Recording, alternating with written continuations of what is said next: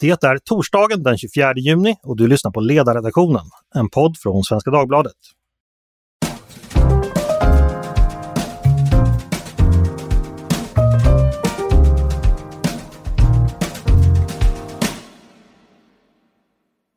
Snapsen är på kylning, sillen är inlagd och potatisen plockad.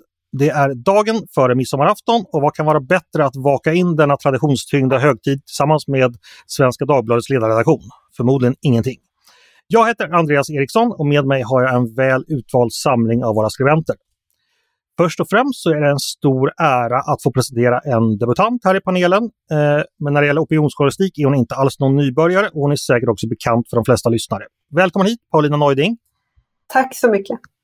Hur har du det i sommarvärmen? Jag har det mycket bra.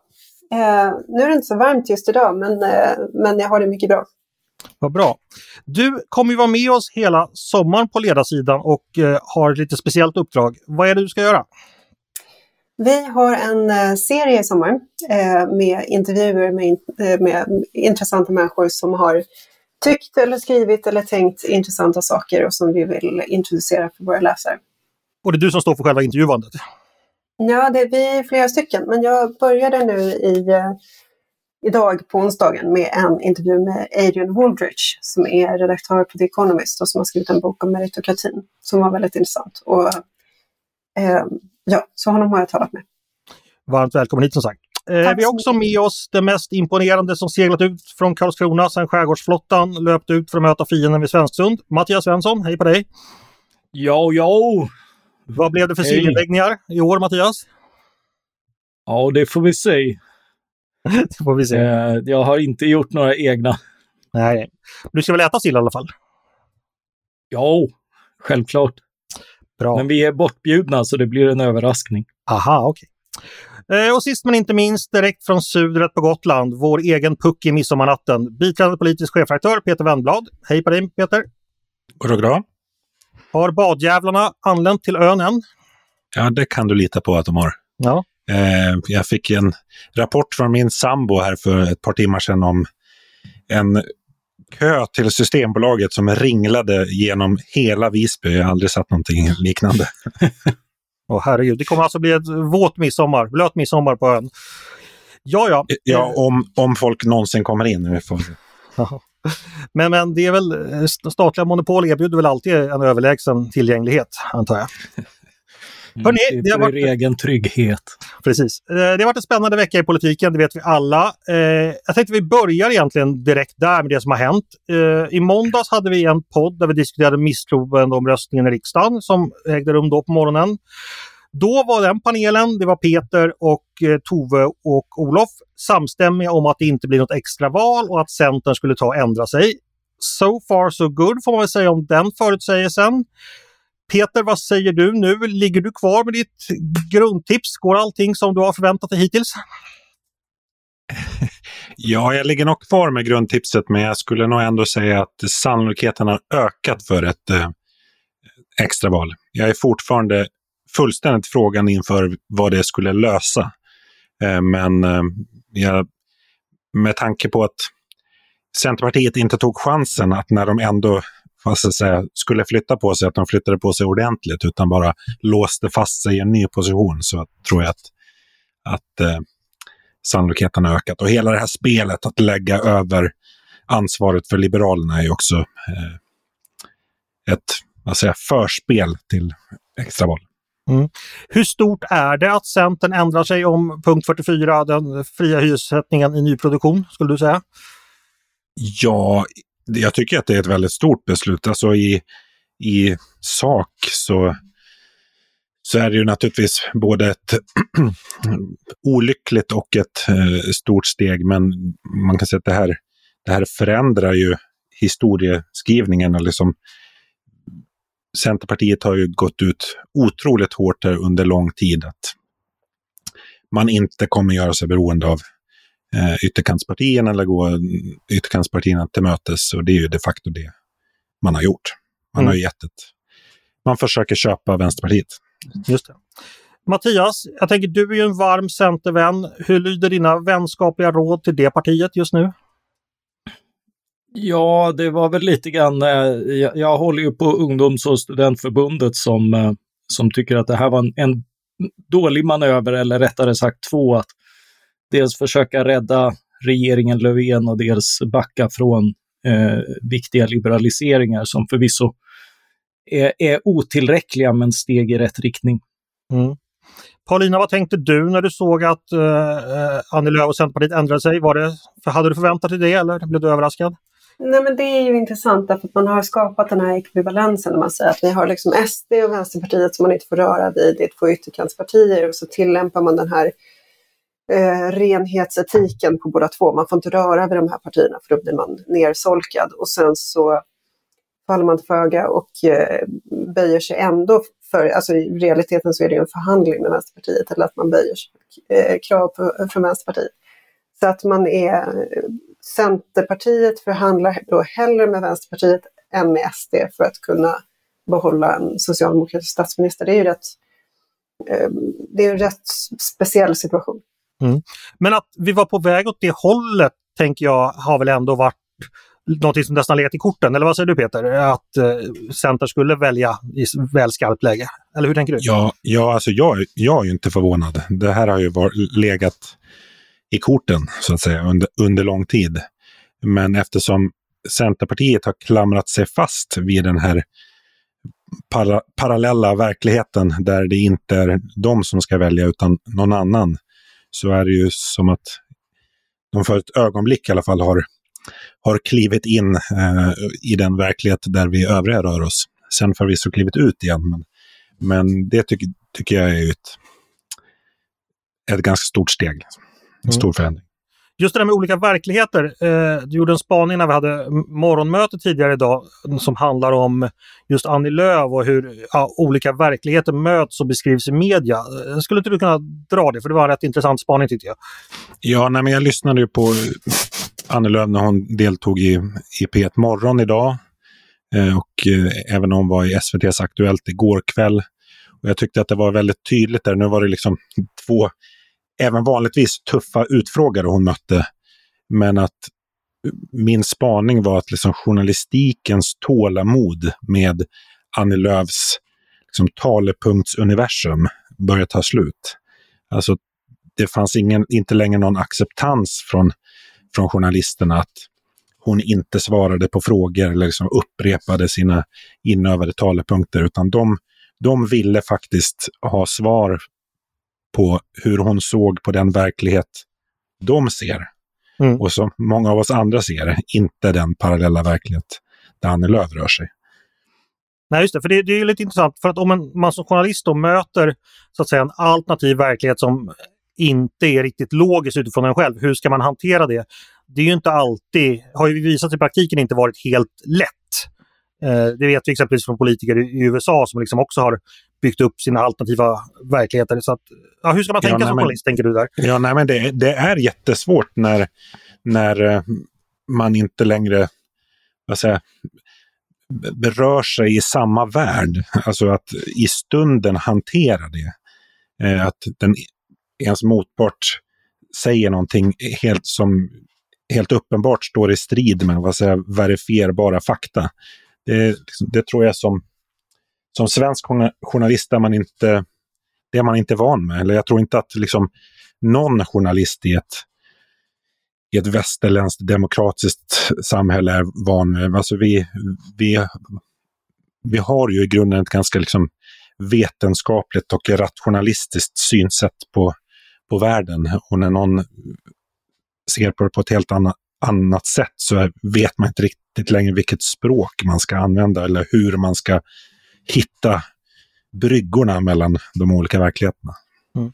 Fast nu, nu kommer jag att tänka på eh, när Ingvar Carlsson, det var en eh, tidigare gång sossarna var desperata, Ingvar Carlsson höll på att förlora valet Eh, jag minns inte om det var 90 eller 91, men det var inför valrörelsen 1991 så kom de med ett utspel eh, där de hade räknat ut att barnadödligheten skulle öka med en borgerlig regering.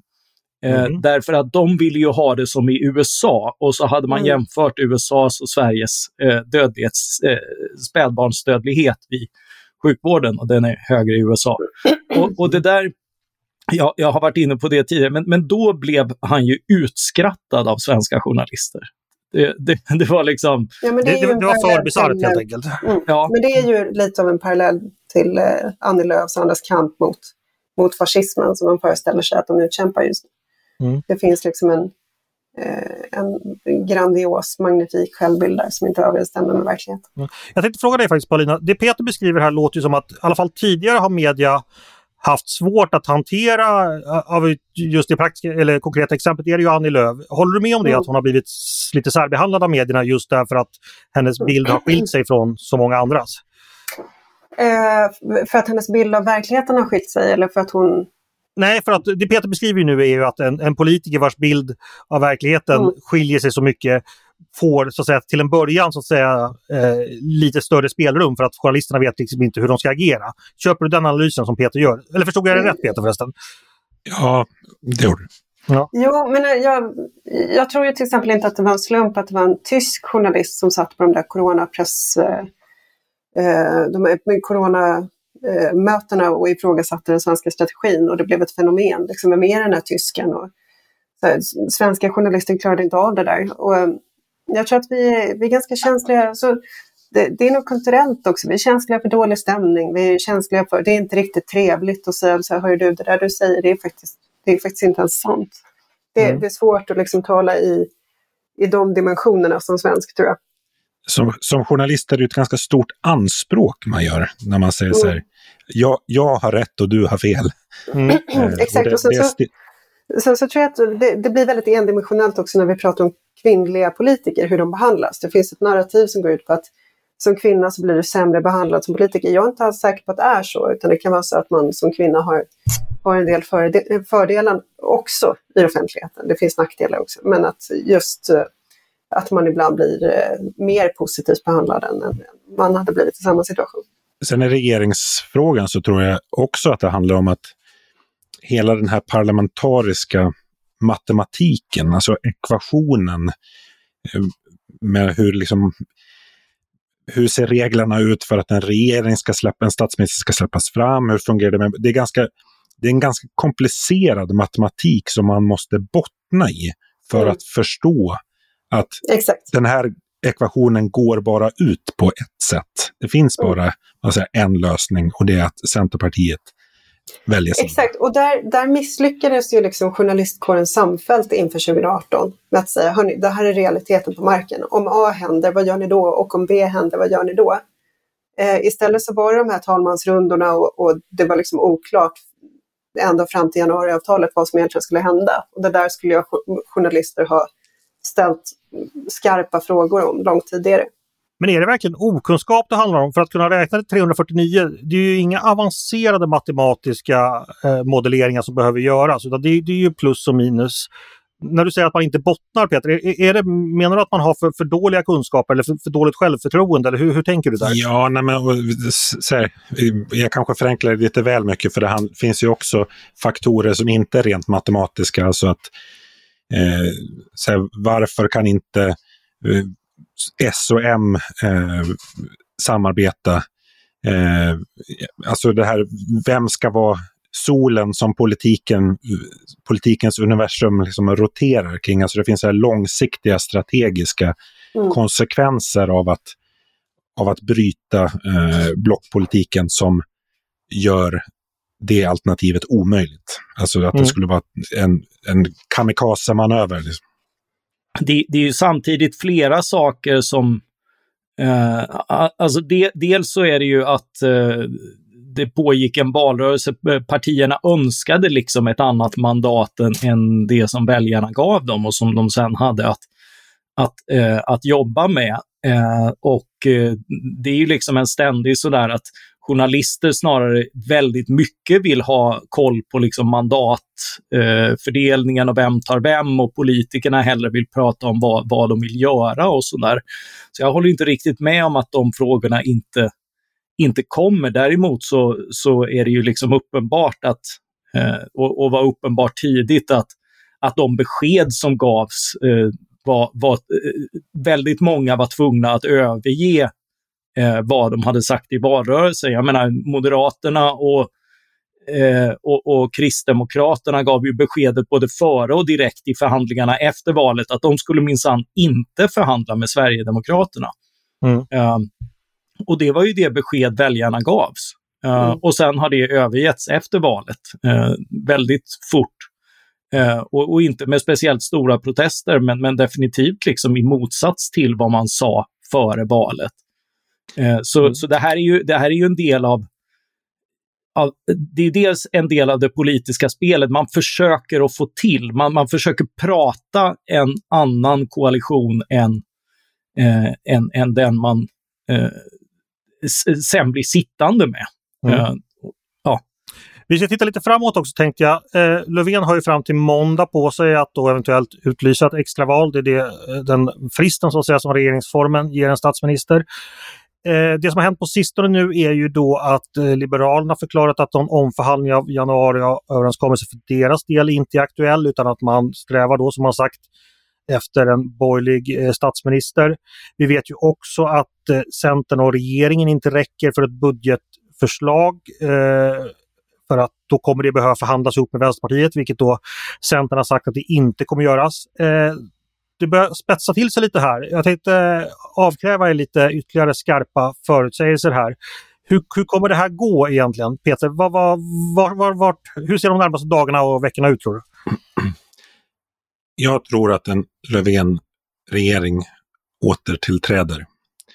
Eh, och jag tror att Centerpartiet något sätt hittar en väg eh, ut ur det här. Alltså där man där Socialdemokraterna blir någon slags buffert mellan, eller Socialdemokraterna och Miljöpartiet, själva regeringen blir någon slags buffert mellan Centerpartiet eh, och Vänsterpartiet. Där Så att de inte behöver förhandla med varandra helt enkelt. Ja, men precis. De behöver inte sitta i sam samma rum. De blir liksom omb ombud som får vandra mellan... mellan Vänsterpartiet. säger att, Ja, Annie säger att, Mm. Det är den här renhetsleken, liksom. bara man Mm. håller, håller sig De, de förhandlar inte med Vänsterpartiet, de bara förhandlar med dem som råkar också förhandla med Vänsterpartiet samtidigt. Så att säga. Och precis. där, eh, Paulina, om du får göra en liknande eh, Nej, prognos. men jag, jag gör ju inga gissningar av princip. För om man gissar fel så blir man inte inbjuden till paneler sen flera gånger. Så Jaha, att, då, då går det ut över ens levebröd. visste Eh, du men- det? Men, men så här, jag, jag, det är mycket som talar för att de hittar ett sätt att, eh, att eh, få en Löfven 3 helt enkelt. Mm. Vilket ju ligger väldigt mycket i Centerpartiets intresse att det blir så, att det inte blir extraval. Mattias, du som inte behöver bekymra dig om ditt levebröd utan kan gissa friskt. Vad säger du? jag, jag som har ett arbete för en gångs skull. Ja, eh, nej men eh, jag, jag, tror, jag tror att det ska mycket till för att eh, Stefan Löfven eh, ska flyttas, för det är liksom en, en gedigen fackpamp med en betonghäck av Guds nåde. Han, han, honom kommer man få bända loss från, från en stol där han sitter. Men eh, eftersom Peter gissade på det så får man ju ändå chansa på motsatsen därför att man ska aldrig underskatta Liberalernas självmordsbenägenhet.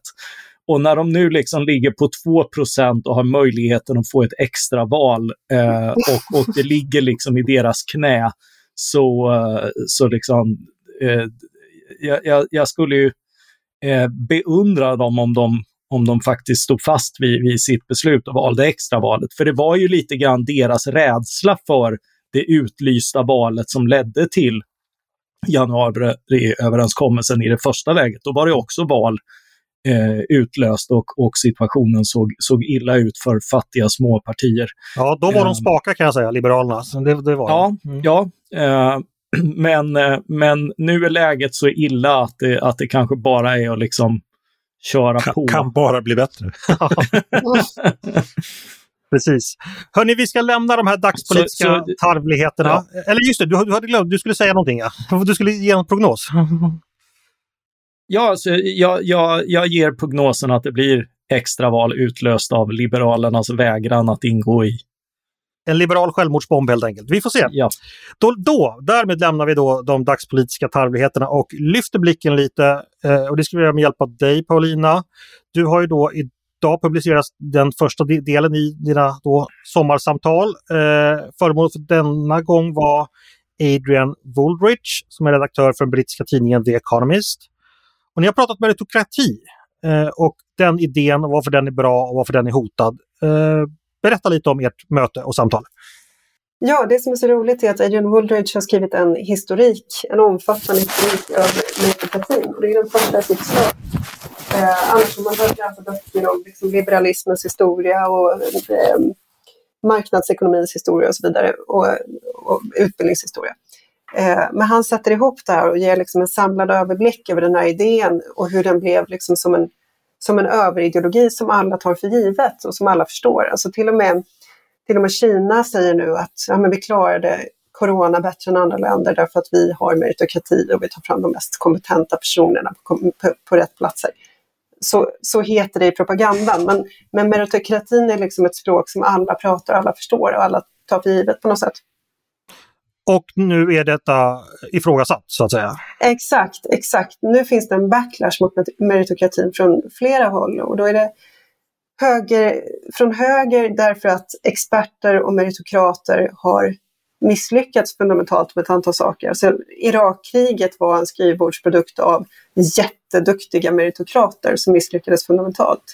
Eh, finanskrisen 2008 var också en produkt av jätteduktiga människor som som ledde oss helt fel. Så att, Euron. Eh, ja, precis. I Sverige finns liksom migrationen som, som det tydligaste exemplet. Eh, men också om man går längre tillbaka, Vietnamkriget som var en produkt av ett gäng liksom, grabbar från Harvard liksom, som, som samlades kring varandra. Mm. Så att, och det, det är då högerkritiken och sen så finns det en kritik från vänster då. Han nämner bland annat Black Lives Matter som, eh, som inte längre tror på meritokratin. Man tror att meritokrati är bara ett verktyg för förtryck. Det handlar inte om individen, vad individen gör, utan det handlar om gruppen. Liksom hur gruppen representeras och hur, hur gruppens intressen kommer till uttryck. Men också att, så att säga, meritokratiska praktiker i sig är en del av förtrycket. Att, så att säga, det, är inte, det finns ingen rättvisa där, det finns ingen neutralitet, det finns ingen objektivitet, utan det är, det är en del av en överordning helt enkelt också. Det, det är kritiken, ja. ja. precis. Och den här kritiken från vänster har blivit väldigt inflytelserik. Alltså, vi, vi nämnde att Princeton, eh, anrika universitetet, har tagit bort eh, krav på latin och grekiska kunskaper från sitt klassikerprogram. Därför att man säger att det är mer jämlikt. Eh, alltså att man, och han, han pratade om eh, spetsutbildningar, alltså grundskolor i San Francisco till exempel, som har varit jätteduktiga på att skicka elever till elituniversitet för att man har använt begåvningstester de får inte göra det längre för att det anses vara ojämlikt. De tvingas att lotta istället och så förstör man liksom en, en skola som har varit jätteframgångsrik i att hjälpa särskilt minoriteter, elever som tillhör minoriteter och ja, marginaliserade grupper och gå vidare till, till elituniversitet. Mm. För en av hans poänger, om jag förstod honom rätt, var ju då att, eh, var ju då att meritokratin är så att säga den minoriteten eller så att säga den nu för närvarande underordnades bästa vän. Det är ju via meritokratin man Exakt. kan komma fram. Exakt. Eh, vad säger han? Vad, vad, vad, det låter som en ganska negativ bild. Hur, hur vill han att vi ska komma hur ska meritokratin återerövra sin plats? Och då, precis, och eh, det han säger då är att vi måste liksom omfamna meritokratin istället, se var det brister, se var vi börjar få en, en slags eh, plutomeritokrati som man säger, eller ett slags aristokratisk klass som, eh, som har blivit väldigt bra på att föreviga sina egna privilegier och föra över sina privilegier på sina barn. Och där måste man liksom ta strid för att ja, men, ta amerikanska elituniversitet till exempel. Det kan vara så lite som en femtedel av studenterna där som kommer in på merit. Resten kommer in därför att eh, man har en pappa som gick på samma universitet, man har en pappa som har donerat pengar till samma universitet. Alltså eh, eh, meritokratin är inte, som man själv säger, folk säger att vi ska avskaffa meritokratin. Det är tvärtom, vi måste införa den på allvar. Det, det, är ett jätteintressant case han har och han pratar bland annat, skriver väldigt mycket i sin bok om IQ-tester bland annat, varför det är mer rättvist att tillämpa mycket IQ-tester än att inte göra det. Det, mm. det är ganska hård, ett hårdsmält budskap i, för en svensk publik, men, men väldigt intressant. Mm. Mattias, jag tänkte vända mig till dig eh, utifrån då, eh, du får vara då vår ställföreträdande liberala ideolog här. Meritokratin som politisk idé inom liksom den frihetliga politiska eh, traditioner. Kan du bara ge oss kort, vad betyder det och vad innebär det ifall vi skulle börja ifrågasätta den, det och använda oss av andra metoder och logiker? Men det finns ju en, eh, eh, en, en, en viktig del så att säga i just den här eh, neutraliteten. Och, och, det är ju en viktig del av hur en, hur en liberal, liberalt sinnad eh, stat ska styras. Att, att det liksom inte är en viss samhällsklass eller en viss börd eller eh, sådär som, eh, som utövar eh, makten. Och ett sånt där viktigt skifte i Sverige är ju när, eh, alltså fram till ungefär sekelskiftet så var ju eh, eh, tjänster i staten, det var ju något man köpte och sålde. Mm. Eh, och, och det var liksom sånt man, man, man köpte till en inflytelserik klass köpte till eh, folk som man ansåg lämpade.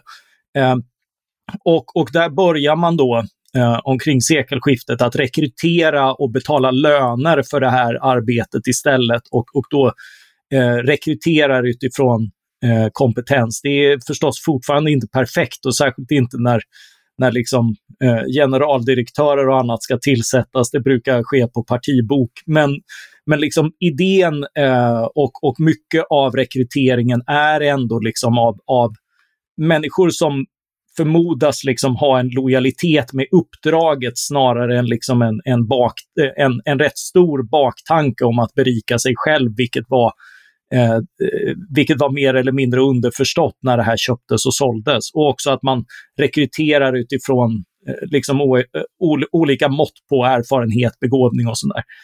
Sen blir de här systemen aldrig perfekta, men det är, det är liksom en annan sak. Och, och har man ett perfekt system så mäter man förmodligen bara i en dimension och det blir ofta förfelat det också. Så det finns, det finns en kritik mot hur meritokrati tillämpas som jag tycker är rätt intressant. Eh, Paulina, eh, jag tänkte om till dig. Eh, Woolrich skriver då, antar jag, från ett anglosaxiskt perspektiv. Eh, och där finns det ju lite andan politiska vindar, framförallt de, de i USA blåser ju, eller de brukar ju blåsa först där och sen kommer de till Sverige. Mm. Eh, är det här någonting som är på gång att bli större i, även i en svensk kontext tror du?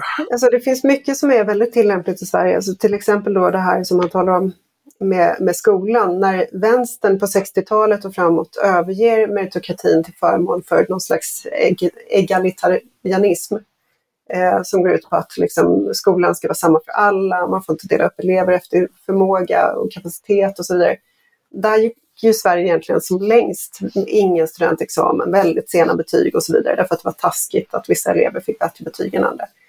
Och det här är ju någonting som han vänder sig väldigt starkt emot. Därför att om alla bara är en enda stor massa där ingen får, eh, får vara jätteduktig, ja men hur ska då eh, duktiga elever från ö, överhuvudtaget, men, men också kvinnor, minoriteter och så vidare, hur ska man kunna bevisa sig, hur ska man kunna ta sig fram om man inte får vara, eh, får vara duktig? Mm. Peter, vad säger du?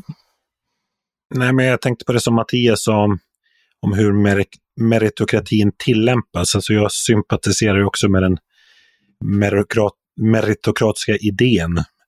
Eh, men jag har också suttit som skolpolitiker. Alltså skolan är ju vad ska jag säga, grunden för att ett meritokratiskt system ska fungera.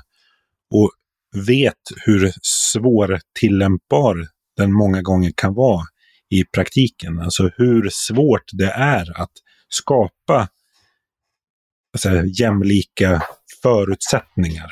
Mm. Att, att uh, klara skolan, att lyckas i skolan, att, att, uh, att ta sig vidare. Ja, det, det är klart. Alltså, har du, kommer du hem till ett hem där dina föräldrar bråkar hela tiden eller där din pappa är frånvarande och din mamma är, mår dåligt. Alltså, all, allt det där, det är klart att det gör enormt stor skillnad om du bor, lever i ett välfungerande hem med föräldrar som har liksom, samtal vid, vid middagsbordet. Sånt där spelar enormt stor roll. Mm. Eh, och det är just därför han pratar om tidiga IQ-tester, därför att då, det har visat sig vara väldigt effektivt för att, eh, för att hitta begåvning. Det och, finns ju en vänsterkritik som formulerats av exempelvis Nina Björk och det är ju just det här att liksom om, om du tänker dig liksom en rangordning utifrån någon meritokratisk skala och att det är den liksom som eh, som liksom implementeras på, på något sätt sömlöst i, i, i, i det här eh, så är ju det lite av en, eh, en mardröm, särskilt för den som hamnar längst ner. Okej, okay, liksom mm. du, du har inte bara dåligt, utan du har det dåligt för att du inte förtjänar bättre. Exakt, liksom. exakt. och det där, det där är också jätteviktigt, att vi har samtidigt som vi har meriter, eh, eliter som lär sig att, eh, att föra över sina privilegier på sina barn, mm. eh, så, så går man och tror att man förtjänar det. Alltså, man har det bra och tänker men det här har jag förtjänat genom min begåvning och mitt hårda arbete.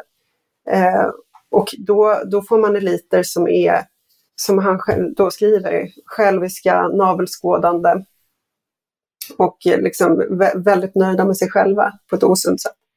Och det här har då delvis förstås att göra med att vi inte är kristna längre, eller att samhället inte är kristet längre. eh, alltså man, eh, man tänker inte att vi, eh, ja, man har haft en osannolik tur om man har råkat, råkat födas begåvad och, och kommit fram i livet, utan vi får ju lite som blir väldigt smag och det, det är en fara, det finns en fara i det. Det är, också, det är också det här att det är, det är aldrig bra med en skala. Eh, det, mm. det, har ju han vars namn jag, eh, eh, vad heter han, Goodhart.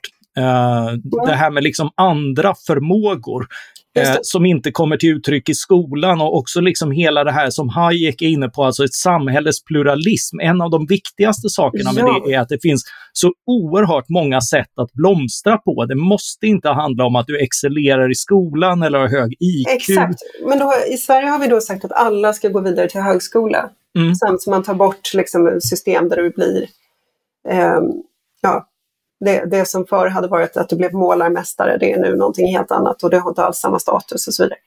Alltså, det, det är som att den akademiska vägen är den enda som ska vara för alla och så är det ju förstås inte. Mm. Nej, och det blir så oerhört smalt och, och mm. illa för alla andra typer av talanger. Alltså det, och, och, det är just det som är det bredare, alltså pluralistiska försvaret, att det finns liksom i, i fria samhällen många olika saker att att beundra, att, att uppskatta, sätta värde på som inte bara handlar om det här. Mycket av meritokratikritiken tycker jag är färgad av att den sker i en akademisk miljö och den är väldigt speciell. Alltså du bedöms individuellt, eh, testas av andra och det är liksom eh, du, du, fyll, du fyller i och, och, och sånt Liksom. Och det är inte så jag menar, hur, hur kommer en god samarbetsförmåga fram i det där? Hur kommer liksom de, det här entreprenörskapet fram eller bara liksom en, en enkel melodi. Jag menar, vi, vi har inte ett meritokratiskt musikliv där den skickligaste musikern nödvändigtvis är den mest uppskattade, utan vi har liksom ett,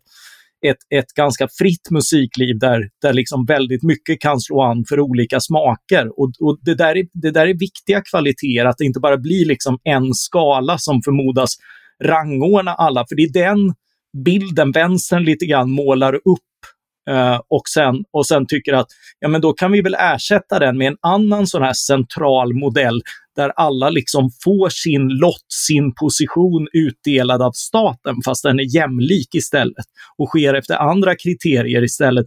Alltså att ha ett sånt centralt kriterium är ju livsfarligt. Mm. Mycket intressant ämne det här. Eh, man läser alltså Paulinas intervju med Adrian Woolridge eh, på ledarsidan och det, den första i en serie sommarsamtal som kommer publiceras där.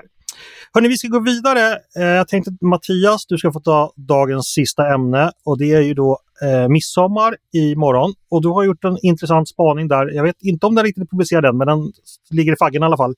Att midsommarafton är ett väldigt fredlig domän i detta kulturkrigets ära, eh, era menar jag. Eh, berätta Mattias. Eh, ja, det var i alla fall en feberdröm jag formulerade för, för några år sedan och sen, sen dröjde det ju inte mer än till, eh, alltså just det här att det, jämfört med andra helger så är det påfallande lite tuppfäktning kring hur man får och inte får fira midsommar. Det är liksom ingen som påbjuder att all, alla måste åka ut i, i skärgården, alla måste äta sill, eh, ingen får äta kött, alltså hela det här vad man ska kalla helgen och allt sånt där. Liksom. Det brukar uppstå kring de flesta helger och bli animerade diskussioner och folk sitter närmast på helspänn och här är det liksom, nej nej, klär i folkdräkt du och det är, veganer lägger veganskt på grillen och, och, och feminister bygger en midsommarfitta istället för eh, den traditionella majstången. Eh, och, och, sådär. och ingen blir egentligen upprörd. Alltså det, det är lev och låt leva. Jag, och det, jag blev upprörd precis nu Mattias, du, du såg inte det här. jag, är glad, jag är glad att kunna bidra till lite, lite friktion, för det är nämligen det som är eh, vändningen sen. Eh, att eh, eh Andreas Heinö som jag intervjuade i eh, gårdagens podd, den som sändes igår, eh, jag har skrivit lite om det, att han har ju skrivit om värdet av kulturkrig och friktion och konflikter och sånt där. Eh, men jag, jag, tycker trots det att, att midsommar är rätt fin på det sättet att, att folk får vara liksom precis så kulturkonservativa eller feministiska eller eh, hur, hur de vill liksom, utan att det att det stör andra. Men behöver vi lite mer... Okej, okay, men, men, men, om kulturkrig är bra, ska vi då ha lite mer kränkthet på, på midsommarafton? Är det ditåt vi ska gå? Vi, vi, vi, försö- vi testade ju det liksom när eh, det var ju en, eh, en kvinnlig kock som fick laga kebab dagen efter och det blev ju folk tokiga på ja. eh, i, i Sverige kretsar. Eh, men, men liksom, så, så den där drömmen vaknade man upp ifrån ganska snabbt dagen efter. Liksom. Men Eh, Eh, men Heines poäng är ju liksom att ofta i de här konflikterna som är eh, lätta att göra narr av och, och, och, ofta förtjänar i de konkreta frågorna så, så ligger det rätt viktiga frågor om identitet och tro och eh, och vem man får vara och sådär som, som behöver få vara lite, lite jobbiga och bråkas kring. Och din text kommer imorgon va? Eller har den ja. ja. Ja, bra. Då tipsar jag om den. Eh, om man har tid mellan sillen och snapsen kan man... Eh... Eller vänta, nej, övermorgon tror jag man får vänta till. Ja. Så först, nej, vänta, jo det är det. För imorgon är det midsommar. På, okay, på midsommardagen. Då får man ta den precis, till, till, pizzan då kanske, eller kebaben som man kanske äter på, på midsommardagen. Kebabpizzan. Precis. Mm. Hörni, vår tid börjar ta slut. Jag tänkte bara höra, eh, hur planerar ni att fira midsommar? Är det någonting ni vill bjuda på? Något tips kanske till lyssnarna vad man kan Ja, de flesta har väl sina traditioner, men om det är någonting ni skulle vilja berätta om er egen firande kan ni väl göra det. Peter, vad har du, vad har du för dig? Jag kommer att fira med min eh, sambos familj på södra Gotland. Jag förflyttar mig inte så långt. Eh, och i år så, jag är ju en man som gillar att lägga in sill, men mm. i år så avstår jag faktiskt. Så att jag kör en, en uh, matsesill med citronkräm och brynt smör. Mm. Den, kan jag, den kan jag tipsa om. Mycket bra, mycket fosterländskt. Eh, Mattias, några planer du vill avslöja? Ja, vi ska som eh, i alla fall hjälpligt vaccinerade fira på, på eh, hyggligt behörigt avstånd men ihop med eh, vänner. Men ni kör vanlig midsommarstång och ingenting annat? Eh, ja, det blir faktiskt ingen midsommarstång och eftersom vi redan bor på en ö så behöver vi inte åka ut till något eh, gudsförgätet och, och mörket för att Det är väl ingen som har, det, det, är väl liksom fortfarande inga midsommarstänger? Är det inga midsommarstänger? Nej, men alltså sådana här eh, kom, kommunitära... Nej, det är, jag befinner mig ute i Stockholms yttersta skärgård och här är det tyvärr inställt. Eh, du då Paulina, har du någonting, hur ska du fira? Vill du Nej, men jag, jag, jag, äter svensk sill. Du var ju väldigt orolig där inför Sverige-Polen och undrade vem jag skulle heja på. Ja. Och jag, jag hejade ju på Sverige. Du gjorde det? Och eh, på samma sätt så äter jag ju den här söta svenska sillen som är så oerhört svår för eh, människor från Polen att acceptera. Ja. Man äter ju saltsill i Polen och, och, och sådär, förstår inte. Men, men jag kan intyga att jag gör detta. Vi ska berätta för lyssnarna som inte vet att Paulina har då en eh, polsk bakgrund. Så hon kanske tycker att eh, en del av våra traditioner framstår som eh, barbariska för, med hennes kontinentala ögon. Tvärtom. Tvärt, ja, men hörni, tvärtom. Men, eh, tvärtom. ja. Men hörni, vad, vad bra! Eh, vad, jag får önska alla lyssnare en trevlig midsommar också. Hur, hur ska du själv fira, Andreas? Eh, ja, jag är ju ute i skärgården då och eh, ah, det, det, blir... Det är lite Sju eller åtta rätter. det är lite likt Peter faktiskt. Att jag brukar ju vara en, en rackare på att lägga in sill. I år har inte det hunnit med så jag har köpt ifrån det lokala rökeriet, några sorter. Jag håller på dock på att grava en lax nu, den ligger i, i kylen så den ska nog bli färdig. Ja, precis, det är väldigt slappt för vad du att inte fixa din egen sill. Och... Det är det faktiskt, det, det medges. Men, ja. men regeringskrisen kräver eh, ständig vaksamhet. Och det ska jag säga också, eh, innan vi tackar för idag, just med anledning av det intressanta politiska läget så erbjuder vi dig som lyssnare faktiskt en prova på-erbjudande på Svenska Dagbladet för att du ska kunna följa med i allting kring regeringskrisen. Det är nämligen så att man får två månader gratis av SvD Digital Standard och vill man ta del av det erbjudandet då går man in på svd.se podd och där fyller man i sina uppgifter och så har man då nyheter, inte bara från oss på ledarsidan utan från hela Svenska Dagbladet hela sommaren. Det kan jag varmt rekommendera. Men hörni, då återstår väl bara att önska en uh, trevlig midsommar. Detsamma. Glad midsommar allihopa. Absolut. Ja. Ni har lyssnat på Ledarredaktionen, en podd från Svenska Dagbladet. Om ni har störts eller irriterats av något vi har sagt idag, tänk då på att allt kanske bara var en dröm. Eller inte, eh, då kan man eh, annars mejla oss på ledarsidan snabel svd.se. Trevlig midsommar allihopa! Tack för idag! Producent har varit Jesper Sandström. Själv heter jag Andreas Eriksson och jag hoppas att vi hörs snart igen. Hej då!